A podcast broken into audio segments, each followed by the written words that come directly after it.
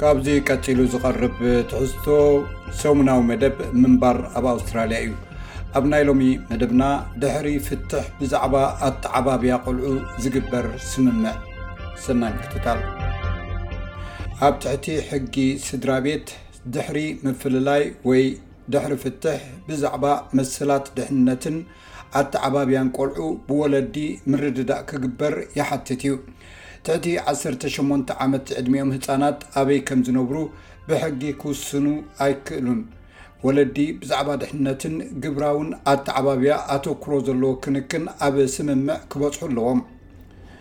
ሕጊ ስድራቤት ወይ ዘ ፋሚሊ ኣክት ንሰብ ሓዳር ንብስምምዕ ዝጥርነፉ ወይ ንተመሳሳሊ ጾታ ዘለዎም ወለዲ ከምኡውን ንከም ኣባሓጎታት፣ እኖሓጎታት ንዝኣመሰሉ ኣለይቲ ብማዕረ ዝምልከት እዩ። ውሉዳት ኣብ ውሽጢ ስድራቤት ብዛዕባ ጾታ ኮነ ብዛዕባ ኣተዓባቢኦም ዋላ ሓንቲ ግምታት ከይገበሩ ምስ ክልቲኦም ወለዶም ትርጉም ዘለዎ ርክብ ክህልዎም መሰል ከም ዘለዎም ዘረጋግጽ እዩ። ስለዚ፣ ድሕሪ ምፍልላይ ወይ ድሕሪ ፍትሕ ዋላ ሓደ ወላዲ ብቐጥታ ነቲ ውሉድ ናይ ምክንኻን ወይ ኣብ ክንዲ እቲ ካልእ ወላዲ ናይ ምውሳን መሰል የብሎምን። በርናርድ ግራንዲኔት ኣብ ኣውስትራልያ ሌጋል ኤይድ ናይ ፕሮግራም ማናጀር እያ፣ ሓላፍነት ወለዲ ኣብ ትሕቲ ሕጊ ብኸመይ ከም ዝምቀል ድማ ትገልጽ። Under the Family Law Act, there is the presumption of equal shared parental responsibility. ኣብ ትሕቲ ሕጊ ስድራ ቤት ወይ ዘ ፋሚሊ ሎው ኣክት ማዕረ ናይ ወለዲ ሓላፍነት እዩ ዘሰክም። እዚ እንታይ ማለት እዩ? ወለዲ ብዛዕባ ዘለዎም ሓላፍነት ማለት ብዛዕባ ውሉዳት ንናይ ነዊሕ እዋን ዝገብርዎ ዓበይቲ ውሳኔታት ኣብ ግምት ከእትውዎ ዘለዎም ቀንዲ ነጥቢ እቲ ናይ ወለዲ ሓላፍነት ብማዕረ ክማቐልዎ ስለ ዘለዎም እዩ። ይኹን እምበር ክፍለጥ ዘለዎ ኣገዳሲ ነገር ከም ኣብ ስድራ ቤት ዘጋጥም ዓመጽ ምስ ዝህሉ ቤት ፍርዲ ጥራይ'ዩ እቲ ወላዲ ወይ ወለዲ ንደቆም ከይርእዩ ዝኽልክል። ማዕረ ናይ ወለዲ ሓላፍነት ክበሃል ከሎ ክልቲኦም ወለዲ ነቲ ውሉድ ብገንዘብ ክድግፍዎ ኣለዎም ማለት እዩ። ይኹን እምበር ሓደ ውላድ ምስ ነፍሲ ወከፍ ወላዲ ማዕረ ግዜ ከሕልፍ ኣለዎ ማለት ኣይኮነን። ወለዲ ብሓባር ኮይኖም ኣየናይ ስርዓት ዝያዳ ኣድላዪ ምዃኑ ክውስኑ ከም ዘለዎም ሚስ ግራንዲኒቲ ትገልጽ።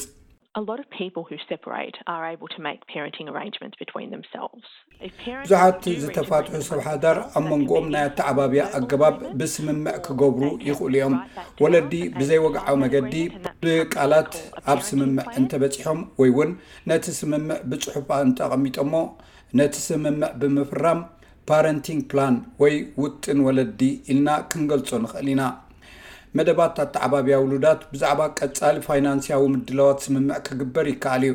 ብመሰረት ሽሬን ፋግሃኒ፣ ኣብ ናይ ACT ናይ ደቂ ኣንስትዮ ሕጋዊ ኣገልግሎት ዝህብ ሲንየር ጠበቓ፣ ናይ ወለዲ ኣተዓባብያ ቆልዑ መደባት እዙዝ ቅጥዒ ኣይክተልን እዩ ትብል። ብመሰረቱ ክልቲኦም ወለዲ ኮፍ ኢሎም ንደቆም እንታይ ከም ዘማልኡሎም ይፅሕፉ እዮም። ውጥን ኣተዓባብያ ወለዲ ኣብ ላዕሊ ክትፅሕፎ ትኽእል፣ ዕለት ክትገብረሉ እውን ትኽእል፣ ንኣብነት ክሳብ ናብዚ ግዜ እዚ ይበፅሕ ትብል። እቶም ቆልዑ ምስ ኣዲኦም ዝነብሩሉ እዋን ብድሕሪኡ ድማ ምስ ኣቦኦም ከምዚታት ዝኣመሰለ ክተእትወሉ ትኽእል ኢኻ። ከም ወለዲ መጠን ኣብ ንሕድሕድ ብኸመይ ከም እትዘራረብ፣ ድማ ገለ መምርሒታት ከተቐምጥ ይከኣል እዩ። ዕላማ ውጥን ኣተዓባብያ ቆልዑ ወይ ፓረንቲንግ ፕላን፣ ምፍልላይ ወይ ፍትሕ ምስ ዘጋጥም፣ ብፍላይ ከኣ ኣብ መንጎ ወለዲ ዘይምርድዳእ ከጋጥም ከሎ፣ ግጭት ንምንካይ ተባሂሉ እዩ። ይኹን እምበር፣ ዕላማ ውጥን ኣተዓባብያ ቆልዑ ወይ ፓረንቲንግ ፕላን፣ ሕጋዊ ሰነድ ኣይኮነን። ስለዚ ሓደ ሰብ ነቲ ናይ ወለዲ ውጥን ምስዓብ እንተቋሪጹ፣ ነቲ ወላዲ ናብ ቤት ፍርዲ ክትወስዶ ኣይትኽእልን ኢኻ። ኣተዓባብያ ቆልዑ ተዓጻጻፊ እዩ። እቶም ቆልዑ እናዓበዩ ክኸዱ ከለዉን ዘድልዮም እናተቐየረ ክኸይድ ከሎን ክትቅይሮም ትኽእል ኢኻ። ነቲ መደብ ክትቅይሮ ትኽእል ኢኻ። ኣብ መወዳእታ ግን ንስኻን እቶም ናይ ቀደም መጻምድትኻን ክትሰማምዑ እንተኽኢልኩም ጥራይ ኢኹም ናይ ወለዲ መደብ ክትገብሩ ትኽእሉ። ኣብዚ ስምምዕ ንምብጻሕ ሓደ ሓደ ግዜ ድማ ሓገዝ ናይ ማእከላይ ወይ ሳልሳይ ኣካል የድሊ እዩ። ብዛዕባ ኣተዓባብያ ውሉዳት ብዝምልከት ስምምዕ ኣብ ዝተበጽሓሉ እዋን እሞ ኸኣ ብሕጊ ቀያዲ ክኸውን ኣብ እትደልየሉ እዋን ብወለዲ ናይ ፍቓድ ትእዛዝ ንምርካብ ኣብ መርበብ ሓበሬታ ፈደራል ቤት ፍርዲ ወረዳን ቤተሰብን ኣውስትራልያ ማለት ዘ ፈደራል ሰርኪዩት ኤንድ ፋሚሊ ኮርት ኦፍ ኣውስትራልያ ክግበር ይከኣል እዩ። ወለዲ ኣብ ስምምዕ ክበጽሑ እንተዘይክኢሎም፣ እቲ ዝቕጽል ስጉምቲ ብቐንዱ ኣብ መንጎ ስድራቤት ንዝፍጠር ዘይምስምማዕ ዘጠቓልል እዩ። በርናንድ ግራንዲኒቲ፣ ብዛዕባ እዚ ከምዚ ትብል። እዚ ምስ መንጎኛ ኹንካ ናይ ወለዲ ስምምዕ ንክግበር የኽእል እዩ፣ ከምኡውን ናይ ገንዘብ ሓገዝ ንዝፍቀደሎም ዓማዊል ኣብ መላእ ኣውስትራልያ ናይ ሌጋል ኤድ ኮሚሽናት ብሕጋዊ መገዲ ሓገዝ ኣገልግሎት ዝህቡ ኣለዉ፣ ከምኡውን ንዝተፈላለዩ ሰባት ኣብ ማሕበረሰባት ዝተመስረተ ከምኡውን ውልቀሰባት ናይ መንጎኝነት ኣብ መማረፂታት ይዳለወሎም እዩ። ኣብ ፌደራል ቤት ፍርዲ ወረዳን ቤት ፍርዲ ስድራቤትን ኣውስትራልያ ላዕለወይቲ ጁዲሻሪ ረጅስትራር ኣን ማሪ ሪስ መብዛሕትኦም ዝተፈላለዩ ወለዲ ኣብ ቤት ፍርዲ ከይቀረቡ ናይ ውሉዶም ስምምዕ ከም ዝገብሩ እያ ትገልጽ። ኣብ መንጎ ወለዲ ዝግበሩ ስምምዓት ኣብ ምንካይ ግጭት፣ ንህጻናት ርጉጽነት ኣብ ምፍጣርን ዝያዳ ውፅኢታዊ ከም ዝኾነ ይፍለጥ። መብዛሕትኦም ወለዲ ነዚ ክገብርዎ ይደልዩ እዮም፣ እንተላይ እቶም ኣብ ቤት ፍርዲ ዝኣትዉ። ዋላ እውን ኣብ ስምምዕ ክትበፅሕ ስለ ዘይከኣልካ ናብ ቤት ፍርዲ እንተኸድካ፣ ኣብ ቅድሚ ዳኛ ናብ ቤት ፍርዲ ናይ ምእታው ዕድል ኣዝዩ ትሑት እዩ። እቲ ቤት ፍርዲ ንዓኻን ንደቅኻን ዝምልከት ኣብ ስምምዕ ንምብፃሕ መገዲ ንኽትረክብ ጥራይ እዩ ዝሕግዘካ። ረጅስትራር ራይስ እቲ ቤት ፍርዲ ወለዲ ንዘጋጥሞም ዘይምርድዳእ ብቕልጡፍን ብዙሕ ገንዘብ ብዘየውፅእ መገዲ ክፈትሕዎ ናይ ምሕጋዝ ግዴታ ከም ዘለዎም ተጉልሕ። ይኹን እምበር እዚ ተመራፂ ምርጫ ኣይኮነን። ኩሉ ኣብ ናይ ስርዓተ ሕጊ ስድራ ቤት ዝሰርሕ እቲ ቤት ፍርዲ ናይ መወዳእታ ኣማራፂ ቦታ እዩ ዝብሎ ይመስለኒ። እንተኾነ ግን ዝኾነ ይኹን ብዛዕባ ቆልዓ ወግዓዊ ትእዛዝ ክህብ ናብ ቤት ፍርዲ ከመልክት ዝደሊ ሰብ ናይ ህፁፅን ሓደገኛን ኩነታት እንተዘይኮይኑ ፈለማ ምስቲ ካልእ ወላዲ ኣብ ስምምዕ ክበፅሕ ክፍትን ኣለዎ። እዚ ማለት ከዓ ምስ ሓደ ምዝጉብ ናይ መፍትሒ ፀገም ዘለዎ በዓል ሞያ ስድራ ቤት ኣብ ዝግበር ክካፈልዎ ኣለዎም ማለት እዩ። እታ ስድራ ቤት ዝኾነ ይኹን ስምምዕ ክብፃሕ ከምዘይከኣለ ዘረጋግፅ ወረቐት ምስክር እውን ካብኡ ክትወስድ ኣለዋ። ናይ ስድራ ቤት ጸገም መፍትሒ ዘናዲ በዓል ሞያ ወይ ኤፍዲኣርፒ ኣብ ባእሲ ዝበፅሑ ስድራ ቤታት ዝዓርቕ ፍሉይ ዝሰልጠነ ማእከላይ ሰብ እዩ። ዝርዝር ሓበሬታ ብዛዕባ እቶም ኤፍዲኣርፒ ኣብ ናይ ዘ ፋሚሊ ሪሌሽንሽፕ ሰንተር መርበብ ሓበሬታ ክትረኽቡ ትኽእሉ ኢኹም። ኣብዚ ዝርከብዎ ቦታን ዝኽፈልዎ ክፍሊትን ዘጠቓለለ ሓበሬታ ኣሎ። ኣብ ርእሲ እዚ ናይ ውልቂ ኣማኸርቲ እዚ ኣገልግሎት እዚ መብዛሕትኡ ግዜ ብዝለዓለ ክፍሊት እዮም ዝህቡ። ቤት ፍርዲ ስድራ ቤት ኣብ ስምምዕ ከይበጻሕካ ኣብ ኢንተርነት ዝርከብ ሓበሬታ የዳሉ እዩ። ከምኡውን ምስ ሕጋዊ ኤድ ኣገልግሎታት ክትራኸብ ወይ ውን ሓገዝ ንምርካብ ናብ ናይ ስድራ ቤት ርክባት መስመር ምኻድ ትኽእል ኢኻ። ረጅስትራር ራይስ ኣብ ዘ ፋሚሊ ዲስፒት ረዞሉሽን እንተተሳቲፍካ ጠበቓ ኣየድልን እዩ ትብል።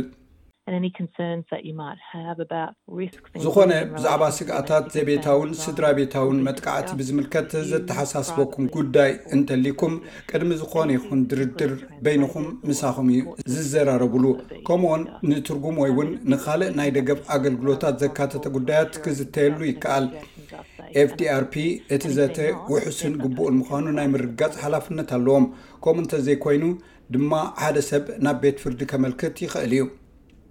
ኣብ FDRP ንኽትካፈሉ ካብ ካልእ ወላዲ ወረቐት ዕድመ እንተተዋሂብኩም ብጥንቃቐ ኣብ ግምት ከተእትዎ ይግባእ። ሕቶታት እንተልይኩም ድማ ሕጋዊ ምኽሪ ምሕታት ኣገዳሲ እዩ።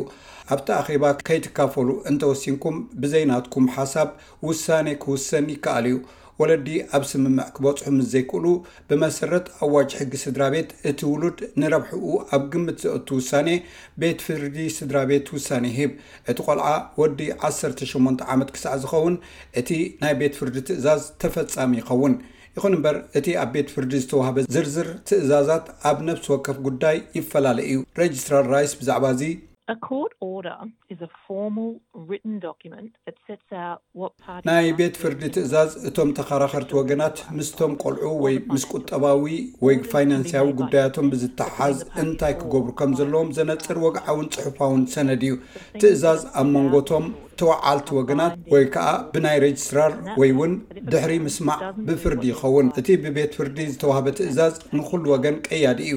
እዚ ማለት ወላዲኡ በቲ ትእዛዝ መሰረት ከምቲ ዝድለ ምስ ዘይገብር፣ ንኣብነት ቆልዓ ኣብ ዝተመደበሉ ግዜ ናብ ካልእ ወለዲ ምብጻሕ፣ እቲ ቤት ፍርዲ ነቲ ትእዛዝ ከተግብሮን ነቲ ዝተጣሕሰ ስምምዕ መቕጻዕቲ ከንብር ይኽእል እዩ። እቲ ቤት ፍርዲ ነቲ ዝሃቦ ትእዛዝ ተገዲሱ እዩ ዝሕዞ፣ ንትእዛዝ ቤት ፍርዲ ምጥሓስ ከኣ ኣገዳሲ ሳዕቤን ኣለዎ።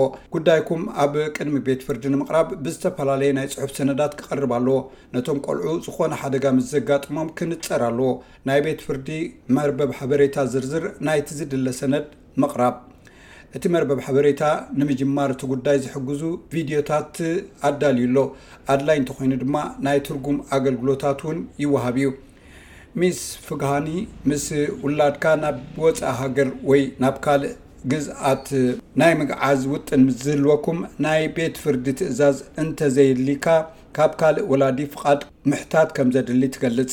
That's really when you need to speak with a lawyer because እዚ ምስ ጠበቓ ክትዘራረብ ከለኻ እዩ፣ ምኽንያቱ ቤት ፍርዲ ናብ ካልእ ቦታ ንምኻድ ምልክታ ኣብ ዝቐርበሉ እዋን ብዙሕ ኣብ ግምት የእትዎ እዩ። እቲ ናብ ካልእ ቦታ ምኻድ ብዛዕባ ድሕንነት እቶም ቆልዑ ዘተሓሳስብ ነገራት ኣብ ግምት ዘእቱ ከም ድሕነት ናይቲ ቆልዓ፣ ናይ ስድራን ሓገዝን ዝቐርቡ ነገራትን ኣብ ግምት ዘእተወ ከምኡውን ናይ ገንዘባዊ ኩነታት እውን ኣብ ግምት ዘእቱ ክኸውን ኣለዎ። ብዛዕባ ውጡን ኣተዓባብያ ውሉድኩም ዝምልከት ንምስምማዕ ጸቕጢ ከም ዘሎ ዝስምዓኩም እንተኾይኑ፣ ቅድሚ ውሳኔ ምግባርኩም ምስ ጠበቓ ምምኻር ኣገዳሲ እዩ። እዚ ምንባር ኣብ ኣውስትራልያ እዩ።